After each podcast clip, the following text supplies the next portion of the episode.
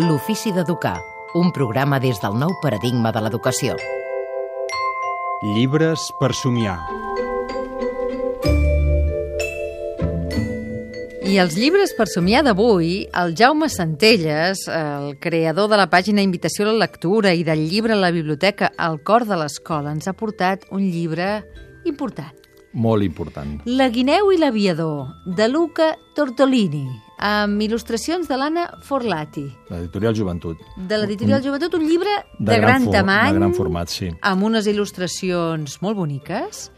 I Jo- quina és la història Sí, que primer trobem? volia comentar que aquest llibre el tenia reservat per explicar-lo quan féssim el programa número 100, però he estat calculant i ja se'n se'n va al 2019 i per tant, com a l'any com a l'any 2018 és el 75è aniversari de la publicació del Petit Príncep i això és un homenatge que li fan m'ha semblat que podíem acabar aquesta temporada amb la guineu i l'aviador, que la guineu és la guineu del Petit Príncep i l'aviador és l'Antoine de Saint-Exupéry.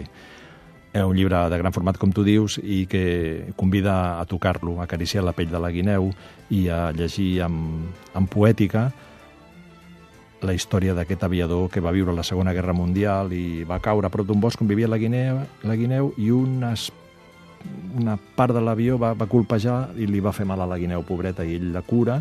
Llavors es, es, estableixen una relació. Allò que en deia el petit príncep, es domestiquen l'un a l'altre. És molt bonic en la història sobretot la part mm, quan ella puja a l'avió i veuen des de, des de fora, des de l'aire. Mira, veus, aquesta és la primera pàgina del bosc, aquest d'arbres entortolligats, que, que, que és meravellós, i la guineu que està aquí amagadeta, pobreta. Hi ha un accident i ell, ell la cura, ell es fa la dormida. I aquí comença la domesticació mútua. Són uns dibuixos de gran tamany, gairebé a Però tamany real. Que t'agrada tocar-los, t'agrada tocar aquestes pàgines. No m'havia passat mai. Mira, aquest és l'Antoine, que és com una mena de príncep també, l'aviador. Eh, té un final una mica així trist perquè, clar, ell representa que és aviador de la Segona Guerra Mundial i fa un, ult un últim viatge del qual no hi torna i la guineu torna amb, amb les seves amigues i... Un llibre per explicar Sí. a quines edats. No ho sé.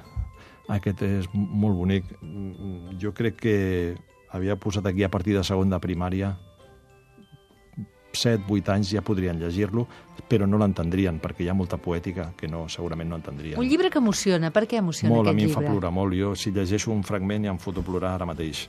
Doncs, Mireu, quineu, quina... Mira quina... No puc ni llegir-ho, m'agafa la plorera. ja... Va, llegeix tu.